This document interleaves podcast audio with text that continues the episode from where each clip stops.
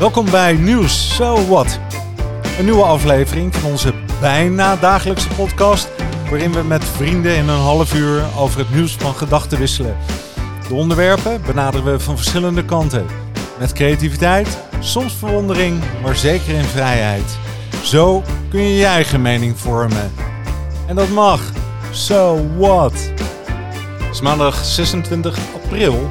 Wie leest mijn ingezonde brief? Jaarverslagen worden dikker. Wie controleert de cryptomunt? Maar misschien moeten we het eerst over India hebben. Michel, goedendag. Hey Erik, goeiedag. Ik was altijd benieuwd bij jouw lijstje van onderwerpen wat jouw idee daarachter was. En eh, bij de, de bitcoin in India kan ik dat wel plaatsen, maar eh, dat 75 jaar AD met die brieven schrijven, daar was ik wel benieuwd naar eigenlijk. Ja, ik, ik ben dan benieuwd naar wie, wat is dat nou voor vent hè, die daar iedere dag eh, een brief stuurt. En misschien is het AD wel niet de enige. Hè, stuurt hij gewoon, uh, brengt hij per dag wel vijf van die brieven weg. Hè? Ook per brief dan ook nog. Hè? Dat vind ik ook mooi.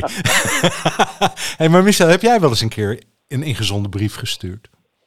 Nou, ik echt Erik, uh, bij leven en welzijn, ik kan me niet herinneren. Dus uh, en, nou doe ik wel eens dingen die ik niet meer weet. Maar, maar een ingezonde brief kan ik me echt, ik, ik, ik hou het bij nee. Hmm. Ik denk ook niet dat ik het ooit zal gaan doen hoor. Dat, uh, ik, dus, maar het denkt me wel, doe me wel denken, Erik, aan de generatie van mijn ouders. Want daar liggen altijd nog steeds twee kranten, hè, als ik daar ben. En die lezen ze ook inderdaad consequent. Hè. En, en die zijn ook van de generatie niet digitaal. Die gaan, die willen, die gaan ook nog met de acceptgiro willen ze opsturen naar de bank. Dus je hebt wel mensen die, ja, die doen dat hele leven al, denk ik. Ja, ik vind dat wel mooi. Ik weet niet of het dan het brieven schrijven is, maar de reden waarom mijn oog erop viel, was omdat ik een maand geleden mezelf aangemeld heb bij nu.nl. Want dan wil je een ah. reactie geven.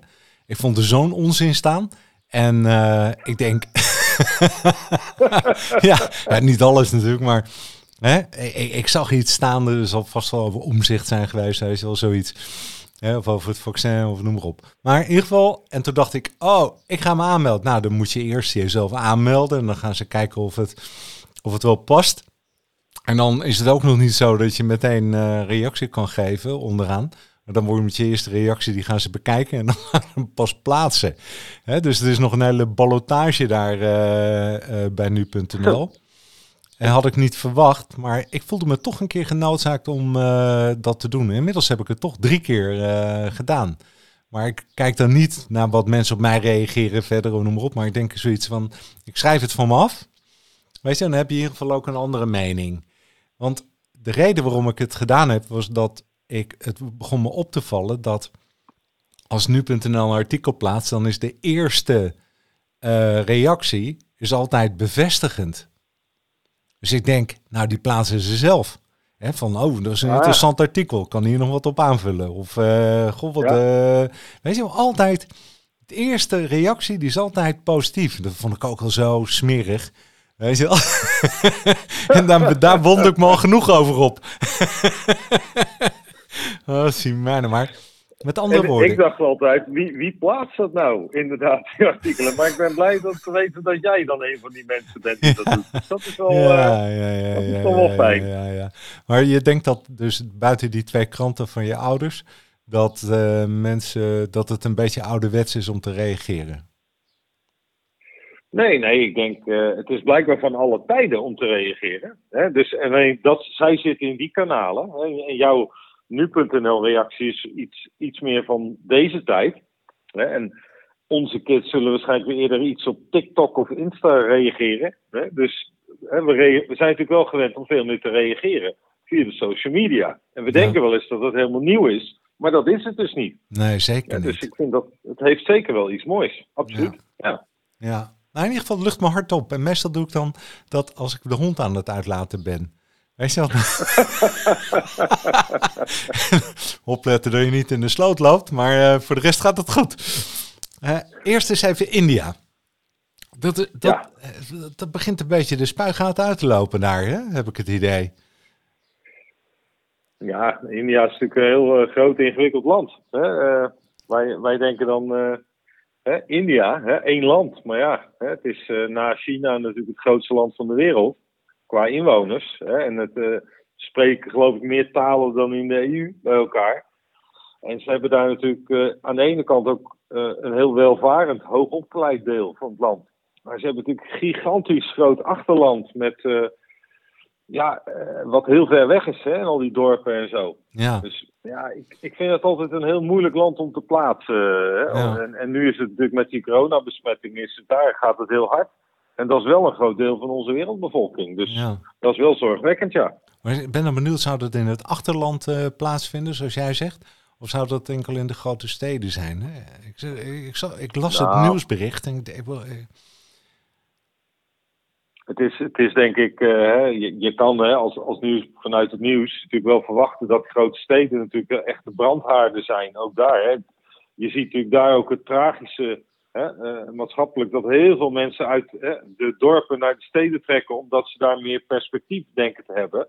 Maar daar heb je natuurlijk hele grote hè, sloppenwijken waar mensen in erbarmelijke omstandigheden dicht bij elkaar wonen. Dat is ook India. Hè. India is nou niet het meest schone en hygiënische land van de wereld. Dus als virus, kan ik me voorstellen, is dat een heerlijk land. Veel mensen op elkaar, hè, kan, kan lekker alle kanten op. Ja. ja hè, en wat die mensen dan ook nog doen, want vaak die mensen die uit de dorpen, soms werken ze ook hè, op dagen lopen van de dorpen tegen lonen waar ze niet eens vervoer van kunnen betalen. Dus ook toen er vanuit de crisis bedrijven werden gesloten, hoorde ik verhalen van mensen die dan drie dagen terug gingen lopen naar hun dorp, hè, omdat er voorlopig toch geen werk was.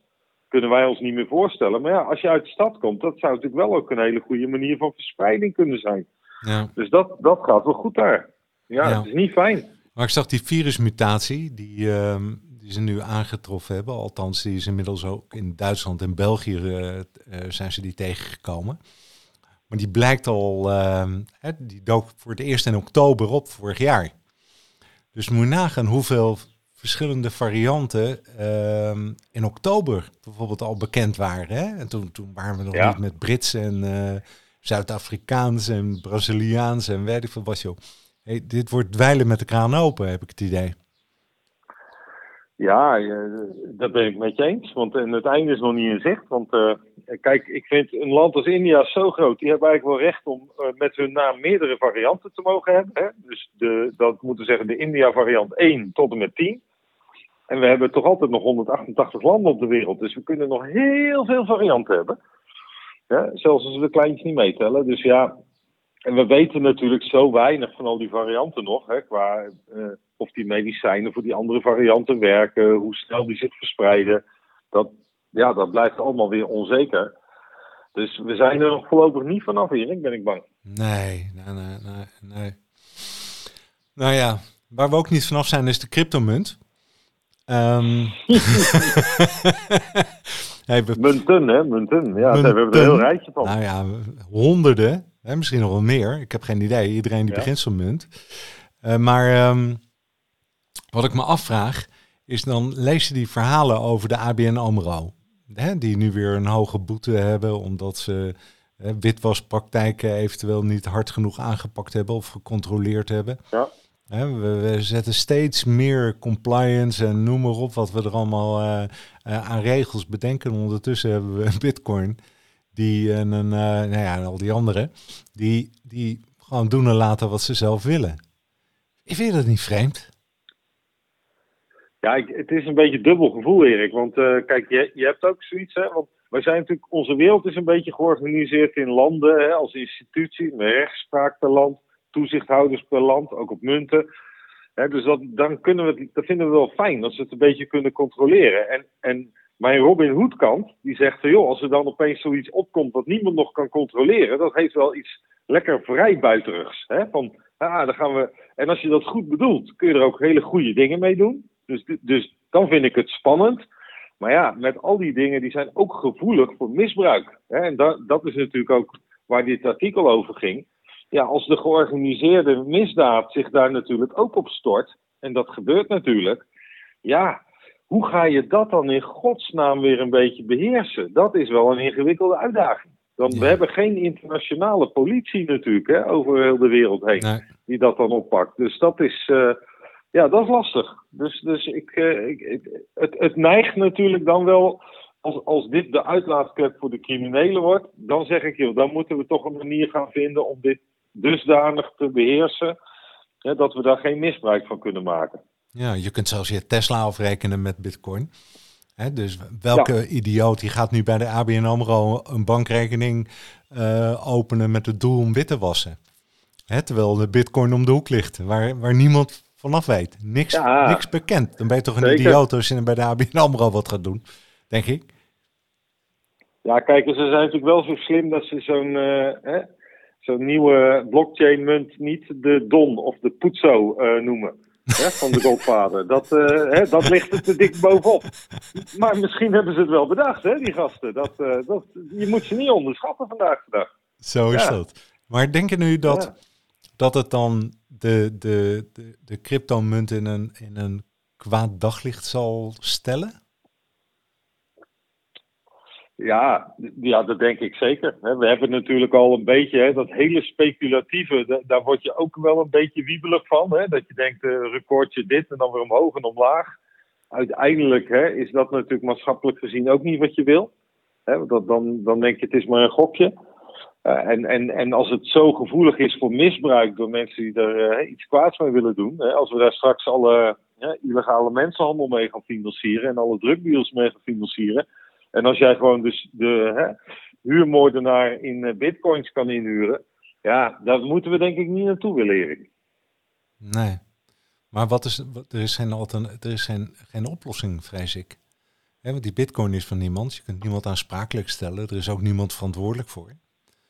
Ah, uh, voor alles is weer een oplossing te verzinnen, toch? Wij, wij, wij wisten toch uh, tien jaar geleden ook niet dat we nu allemaal KVK-formuliertjes moesten gaan invullen om een UBO-register in te vullen. En als je hier op de straat vraagt van ben jij een UBO, dan weten de meeste mensen dat toch ook nog niet. Mm. dus, uh, maar uiteindelijk zijn wij natuurlijk wel intelligent genoeg als wereld om ook wel weer systemen te bedenken om, om dat te doen. Maar dat zit in dezelfde hoek als bijvoorbeeld hoe ga jij op een eerlijke manier om met belastingen over landsgrenzen heen. hoe gaan we al die belastingparadijzen aanpakken? Daar zijn we ook al decennia lang mee bezig. En daar worden wel stappen in gemaakt. Hè? Ja, dus, dus ik ben daar niet zo pessimistisch over. Alleen het zal wel eventjes duren. Maar goed, ja, hè, die, die boefjes hebben anders ook alweer een weg. Hè? Dus het is nou ook niet dat, omdat de bitcoin er is, we criminaliteit hebben. Dat, dat was er anders ook wel geweest. Nou nee, ik was er eigenlijk wel alleen lachte in mezelf. Ik denk, ja, we moeten zo'n arme directeur van de ABN AMRO... Uh, die één op de vijf medewerkers geloof ik aan controle heeft... of er geen witwaspraktijken zijn. En, en, en ja, bij iedere willekeurige, uh, weet ik veel, internetpartij kun je bitcoins kopen en verhandelen en overdragen en, uh, en niemand die het controleert. Dus ik, ik vond het zo tegenstrijdig verhaal uh, worden. dus we nou, ik denk dat ze jou wel kunnen vragen als ze, hè, zoals wij dan de Nederlandse bank kennen, moet er misschien wel een internationaal toezichtorgaan komen voor de bitcoin. En ik denk dat het zou voor jou een leuke rol zijn hè, als toezichthouder op de bitcoin. Of niet, Erik? Ja, met hoofdkantoor op Mallorca, dat lijkt me fantastisch. Ja, ja, ja, niks mis mee, hè? Een goede plek daarvoor. Ja, nou, voor alles is weer een oplossing, hè? Dus, uh, ik, zie een lichtpuntje. Ja, heel goed, jongen. Ik ben blij dat je zo positief bent. Hè? En, en mij zo hoog hebt zitten, kan ik ook zeggen. Hè? Zeker, nou ja, zeker. tenzij ik gewoon... Uh, ik moest een nu.nl account gaan aanmaken, denk ik. Dat ik dit soort dingen als suggesties dan ga lanceren als er weer een bitcoin artikeltje is. Toch, die lobby moet ergens beginnen. Zo is dat. Hey, controle, controle, controle. Dat dacht ik. Dat is de naam van onze podcast van vandaag. Want Kijk. de jaarverslagen, waar dienen die nu voor bij bedrijven? Is dat controle, verslaglegging achteraf? Maar waarom? Ja, dat is wel een goede vraag eigenlijk. Hè? Want, want dit zijn van die dingen die, die zijn er altijd al. Hè? Je weet in ieder geval dat ze ertoe dienen dat de accountants een goede boterham hebben. Hè? Dat is één ding wat we voor sure weten. We weten ook dat het niet echt de bedoeling heeft om heel transparant te zijn. Want dat wat je bij de KVK deponeert, is echt een. Hè, dat is ooit wat op. Als je met een boek vergelijkt, is dat wat op de achterkant van de kaft staat. Hè? Dus dat is uh, minimalistisch. Het enige uitzondering zijn die beursfondsen. Die hebben natuurlijk hele andere spelregels. Die moeten transparant zijn. Dus het doel is ook, ik ben ooit natuurlijk als uh, bedrijfseconoom mijn uh, studentenjaren begonnen. Ja. Dat is natuurlijk om, eh, eh, hè, om eh, casuïstiek te leveren voor economiestudenten. Dat is ook een doel. Want wij moesten al die jaarverslagen uitvogelen. en ik weet nog dat Philips in die tijd, dan heb ik het over begin jaren tachtig, die waren zo creatief in de jaarverslagen dat de hoogleraren de, die behandelden de verschillende Philips-modellen als een soort van bedrijfseconomische innovaties.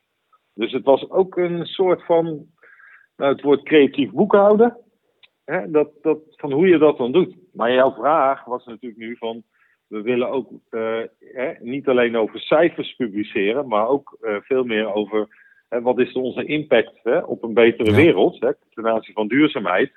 En moet dat niet een automatisch onderdeel worden hè, van dat jaarrekeningenrecht?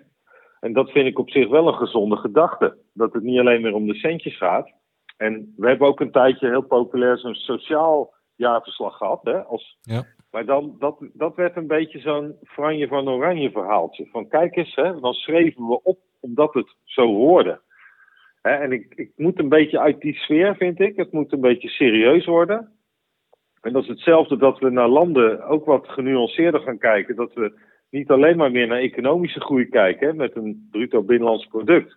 Hè, maar dat we alle Bhutan ook veel meer gaan kijken. Kunnen we niet andere, hè, een soort brede welvaartsnorm hè, uh, gaan hanteren? Nou, dat zie je op organisatie natuurlijk niveau ook. Dat vind ik op zich een goede ontwikkeling. En overigens, die lasten leggen ze vooral bij de grote bedrijven. Nou, die hebben echt staven genoeg als jij toch al een MVO-manager hebt, Erik, kan je daar ook wel in je jaarverslag uh, wat serieuzer mee omgaan. Ja. Ja, ik heb in een jaarverslag is inderdaad natuurlijk die cijfers, nou, die liggen er al.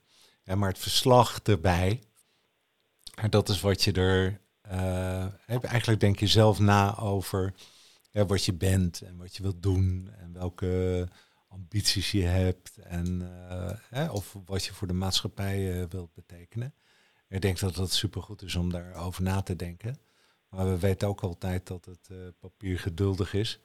En dat ik mezelf altijd afvraag hoeveel mensen het lezen eigenlijk.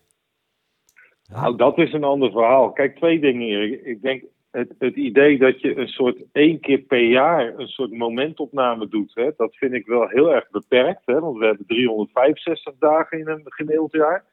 Hè, dus, dus dat idee van een jaarverslag vind ik qua frequentie Hè? Uh, en het is qua vorm, doe überhaupt wie leest er nog dingen. Ja, en het is ook niet het meest enthousiasmerende, toegankelijke stukje tekst. Hè?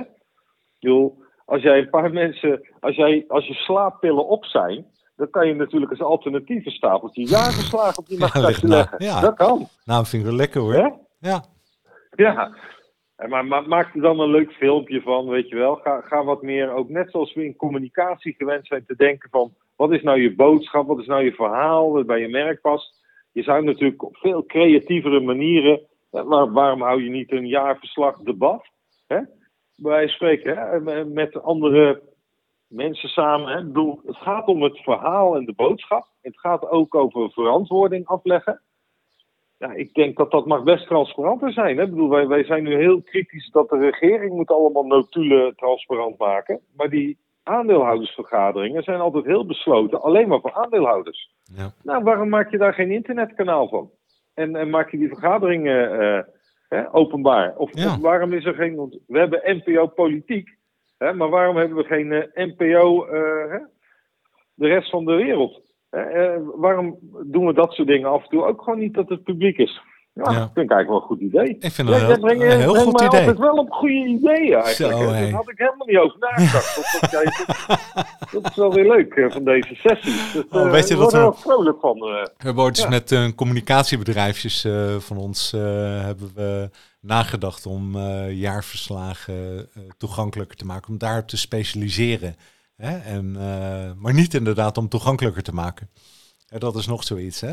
Maar volgens mij is het ook Ja, weer schrijft die blijft. Hè? Want wist je dat bij de gemeentelijke jaarverslagen, dus van de overheid, dat in tien jaar tijd zijn die vier keer zo dik geworden. In 2001 telden ze 20.000 woorden en nu 90.000 woorden. Hey, dat is toch ook, eh, dan denk ik ook, hè? Dat is ook echt consultancy. Gewoon schrijven, weet je Ja, wel. maar dat, ja, dat, maar dan word ik dan. Hè, dat, dat, je zou eigenlijk een boete moeten hebben als je, als je langer eh, erover doet om iets te schrijven dan dat, dat je lezers hebt die het lezen. Hè, dat, dan moet je eigenlijk iets in de gemeenschappelijke pot doen. Dan moet je het, uh, het, burger, het dorpsfeest betalen of zo als gemeente. Hè, want dat, dat slaat dan natuurlijk door. Ja. Hè, dus, uh, Weet je wie er nog beroerder dan de gemeente is? Dat zijn de onderwijsinstellingen, ziekenhuizen en goede doelen. Die hebben helemaal een leesbaarheid van nul. En de overheid probeert daar eh, natuurlijk een soort bijdrage te leveren. Non-profit en uh, publieke sector heb ik het over nu. En ze hebben een tool ontwikkeld. Namelijk de Vlees Dauma-formule. dat is een tool waarmee je de gemiddelde zinslengte en het aantal lettergrepen kan berekenen. en dan krijg je, ja, krijg je een score van hoe goed het uh, leesbaar is. Hè? Ze zouden nog steeds moeten kijken wie leest het nu eigenlijk. Want ik wist niet eens dat, dat de gemeente een jaarverslag heeft. Bij zo'n spreken. wist jij dat? Wist ik ook niet, joh. Nee, nee. Ik, ik, ik moet zeggen, ik, heb nou ook niet dat ik heb. bedoel, ik weet, uh, op een gegeven moment ging het over al die algemene voorwaarden bij al die websites. Hè, dat als je die allemaal ging lezen, was je gewoon, hè, ik geloof, tien keer je leven kwijt om alles te lezen waar je hoort aan committen. Maar je kan toch ook niet alles van elke gemeente en onderwijsstelling gaan lezen. Wat ik een goede test zou vinden, is uh, pak tien uh, mensen die niet zo handig zijn met taal, bij voorkeur lager opgeleid en een beetje laaggeletterde mensen. Laat die het alle tien lezen. Hè, en iedereen die zijn vinger opsteekt dat hij het snapt, dat is een punt. En als niet zes mensen dat halen, heb je onvoldoende. Nou, dan denk ik dat niemand een voldoende haalt daar. Ja. Ja, komt op, omdat er modewoorden zijn ook, hè, ieder jaar. En die moeten dan terugkomen. Integratie of zo, weet je wel. Of Hè? Ja, segregatie, dat, dat, weet ik veel wat. Ja, Ze, ze vinden van, uh, dat maakt het ook allemaal uh, complex.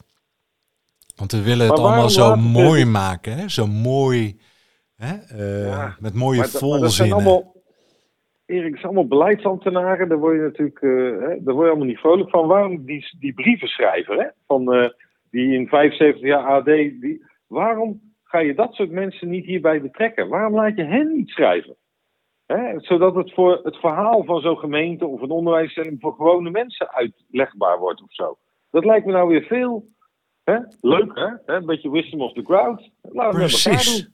Dat, kijk, dat vind ik nou een goed idee, Michel. Ik help jou een beetje met die publieke internet uh, raad van toezicht, vergader, uh, Zoom, uh, Teamsverband. en ik, en ik doe het dan we, gaan naar, nou, geen zwervers natuurlijk. Hè? Niks met zwerfstars, hè? uiteraard. Maar hè, ik bedoel, maar mensen die, uh, die uh, wel begaan zijn met de maatschappij. En die dus, net zoals ik bijvoorbeeld, hè, die wat instuurt. En, en die laten lezen wat, wat, een, hè, wat, wat de consultants en de hoge pieven bedacht hebben uh, wat ze eigenlijk in een jaarverslag zetten. Ik vind dat een heel mooi idee, heel mooi plan. Ja, ja dat, uh, en ik zou ook uh, pleiten van denk na over hè, wat doe je met geschreven tekst, hè, met tekst, wat doe je met audio en wat doe je met video. Hè, want maak, maak daar nou eens een mix van. Hè. Zorg dat je inderdaad, en, en die ouderwetse jaarverslagen is alleen maar ingewikkeld geschreven tekst. Ik bedoel, ja wat, wat ik wel grappig vond, uh, want we hebben trouwens heel veel dingen in ons leven. Hè, want jij zei van hoe zit het nou met die jaarrekening en die accountants. Ik moest er ook over nadenken. Maar ik dacht, heb je wel zo'n arbeidsovereenkomst gelezen, Erik? Nou ja, leuk die, om te lezen. ja, die, die heb ik wel gelezen. Maar de, hè, de kunst was, weet je nog in onze tijd van Ordina. Uh, dat vond ik lekkere, korte arbeidsovereenkomsten. Hè, die waren eh, korte en bondig en, uh, en noem maar op. Maar tegenwoordig zijn uh, alles verschuift naar de bijlagen natuurlijk. dat zijn nog 50 vellen die erachteraan komen. Man. Hè? Personeelsdossiers, weet ik wat allemaal, joh. HR-handboeken. Ach, man, ja. Huishoudelijk reglement dat je je s ochtends tussen 8 uur en half 9 moet melden. En dat je moet afbellen als je ziek bent, dat soort details. Ja. Nee, maar wat ik leuk vond bij Tony Chocoloni bijvoorbeeld, die hebben het hele arbeidsovereenkomst op één A4'tje in leuke mensentaal gemaakt. Gewoon van, is fijn dat je bij ons kon werken. Worden collega's, we gaan er een leuk eh, feestje van maken. Een beetje, ik, ik zeer wat. Maar eh, dat denken kun je op veel meer plekken, denk ik, in onze maatschappij kun je daar loslaten. Van waarom, waar was het ook alweer voor bedoeld? En, en die juridische haarkloverij, Hè, dat is een heel ander verhaal. Dus dat, we hebben denk ik onze maatschappij veel te veel door juristen laten invullen. En door Ja. accountants. En ik denk dat we dat een beetje terug moeten winnen. Ja, en, maar dat wordt steeds erger ook. Hè? Dus daar moeten we het zeker terug gaan winnen. En wat erger wordt is eh, zo die claimcultuur, hè, zoals die in het buitenland is. Hè, daar kunnen we ook onze borst van nat maken. Hè, dus mensen met, denken overal rechten te hebben. Er zitten weinig plichten in.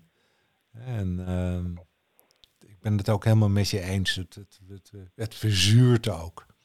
Al die juridisering. En je kunt, je kunt geen arbeidscontract zelf lezen of geen huurovereenkomst. Of, eh, en anders dan denk je, nou ja, ik vind wel aan dat ik het begrepen heb. Hè? Datzelfde geldt voor als je een vliegticket boekt. Of eh, hè, akkoord met de voorwaarden. Nou, vooruit dan maar. Hè, nou, wie leest dat nou? Niemand. Maar iedereen dekt zich in. Nee. Hè, dat als er een probleem is, dat ze in ieder geval ergens gedekt zijn. En er zit iets smerigs in, hè? Ja, dat is dit, en, en iets oneerlijks. Hè? Ja, en dat precies. is hetzelfde. Hè? Ik had van de week, toen ging het over die toeslagenaffaire, dat ik zo'n workshop las, toen ging het ook.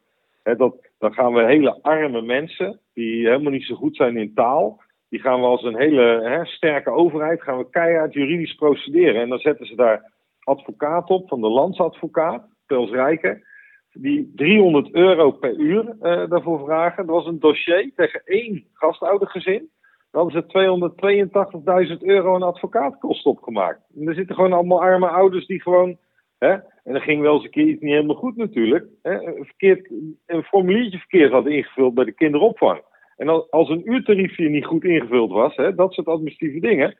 Dan werd met terugwerkende kracht heel je claim werd naar nul gebracht. Dan moest je 30.000 euro terugbetalen omdat er een schrijffoutje in zat. Nou, Erik, dat is onze overheid, hè? Ja. Ja, dat, dat, dat kan Maar- toch anders? Maar vind je dan dat ze dat, ehm, dat, dat die verandering moet beginnen bij de overheid? Hè, dus het minder juridisch maken van zaken, dus zelf ook gaan kijken naar hun eigen arbeidsovereenkomsten. Ehm, of ligt het in de wetgeving? Nou, ik vind die verandering ligt bij ons allemaal. Want ik vind het leuke voorbeeld van Tony, we hebben dat met Wise gevolgd. dat kan je gewoon zelf al doen. Ik ben altijd heel erg fan van dingen die wij morgen gewoon gelijk zelf al kunnen doen. Ja, allemaal gaan zitten zeggen dat. Ja, dus en als iedereen dat nou gaat doen, dan, gaat, wordt het te hopen dat er een keer een ambtenaar wakker wordt die zegt: hé, hey, maar dat is toch veel logischer, veel Ja. leuker. Waarom doen wij dat ook niet? Dat je op die manier gewoon allemaal je steentje bijdraagt. ja.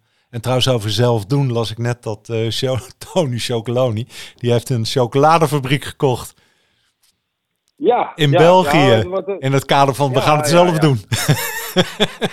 Ja, maar dat is ook als je dat even doorlas, want eh, ik had hem ook gelezen. Eh, zij werkte al voor Tony en dat was een familiebedrijf en die zaten een beetje met een familieopvolgingsvraagstuk. En toen heeft Tony gezegd, joh, jullie hebben geen nieuwe generatie familie. Jullie maken altijd al, eh, wij zijn jullie grootste klant. Nou, laten we dat samen oplossen. Ik vond het wel weer iets moois. Mooi. Dat, eh, ja, Maar ik wist dus Regelen niet dat het elkaar. eigenlijk een, als ik het goed interpreteer, maar jij kent het bedrijf, ik niet. Maar is, maken ze, maakten ze dan, hadden ze zelf geen eigen productiefaciliteiten? nee, hadden ze niet. Dus eh, ze, besteden, ze kochten dat weer in. Hè. Overigens is dat natuurlijk, ik bedoel, Apple maakt zijn telefoons ook niet zelf. Dus dat is niet ongebruikelijk. Nee, nee, nee. Maar, eh, maar ze groeien natuurlijk knijterhard. Hè? Dus, eh, en ze hebben zich dus natuurlijk wat ook dat hè, slavenvrije chocolade hebben ze zich gericht, geloof ik. Hè? En de, en de inkoopkant eh, managen, om vervolgens ergens chocolade van te maken. Hè, dat is natuurlijk... nou, eh, eens. Ja, dat is gewoon, en hun bereik is nog heel erg klein als je kijkt, hè, want ze zijn in Nederland marktleider, maar ik geloof dat zij ergens tussen de 1 en de 2 procent van de mensen in vooral Ghana, er zijn twee landen in Afrika die leveren verreweg het grootste deel van de, hè, de cacao in de, op de wereld. ja. Dus, dat, en, en, hè, dus het effect is nog hè, echt nog maar een druppel op een groeiende plaat. Zij zijn wel een mooi voorbeeld hoe je er iets aan kan doen. Hè, maar ze moeten nu de hele sector nog een beetje meekrijgen. Nou, ik vond het een heel interessant verhaal. Ja, Ja. terwijl ik ook hoorde dat, of ergens gelezen heb, dat ze, ze- zelfs Tony Chocoloni kan niet 100% zeker zeggen dat er geen hè, slavenarbeid aan te pas gekomen? Nee, dat, dat, is, dat, Ja. dat is ook zo. Want, maar dat is zo moeilijk, Erik, om in de Ja. hele supply chain. Hè, het 100, zij hebben zelfs bij bepaalde boeren dat ze zeggen van dat ze aparte delen hebben. Hè, van het deel wat door Tony, voor Tony eh, geoogst wordt, zeg ik maar even. Zitten aparte Tony-zakken, want dat is dan wel traceerbaar en de andere weer niet. Ja, dat is, uh, dat is, blijft super ingewikkeld. En dit is maar één keten, hè, cacao. Ja, zo hebben we er natuurlijk echt uh, honderden ketens. Hè. Uh, dus we hebben in deze wereld echt nog wel wat te doen om, om dat te verbeteren. Ja, maar het is gaaf, hè? het is een mooi bedrijf. En, ik vind het, een goed verhaal. Ja. En ik vind het ook, ik denk dat het misschien wel een van de bedrijven is in Nederland uh, die het meest bijgedragen heeft aan de bewustwording over die, die slavenbusiness, zeg maar, die erachter zit. Ja. Absoluut, ja, zeker. Ja. Zeker. Dus en dat is in Nederland natuurlijk helemaal een mooi onderwerp met onze geschiedenis. Hè? Zo, daar maar dat is weer een, uh, van, daar kunnen we een andere podcast aan, aan, aan Michel, ik, schrok, ik, ik, ik, schrok ervan toen ik zelfs net zei slavenbusiness. Ik denk, toen dacht ik ook meteen, ja, ja, zo ging dat. Jongen, ja. jongen, jongen. Nou, wat dat betreft inderdaad ben ik helemaal met je eens. We moeten een voorbeeld gaan stellen.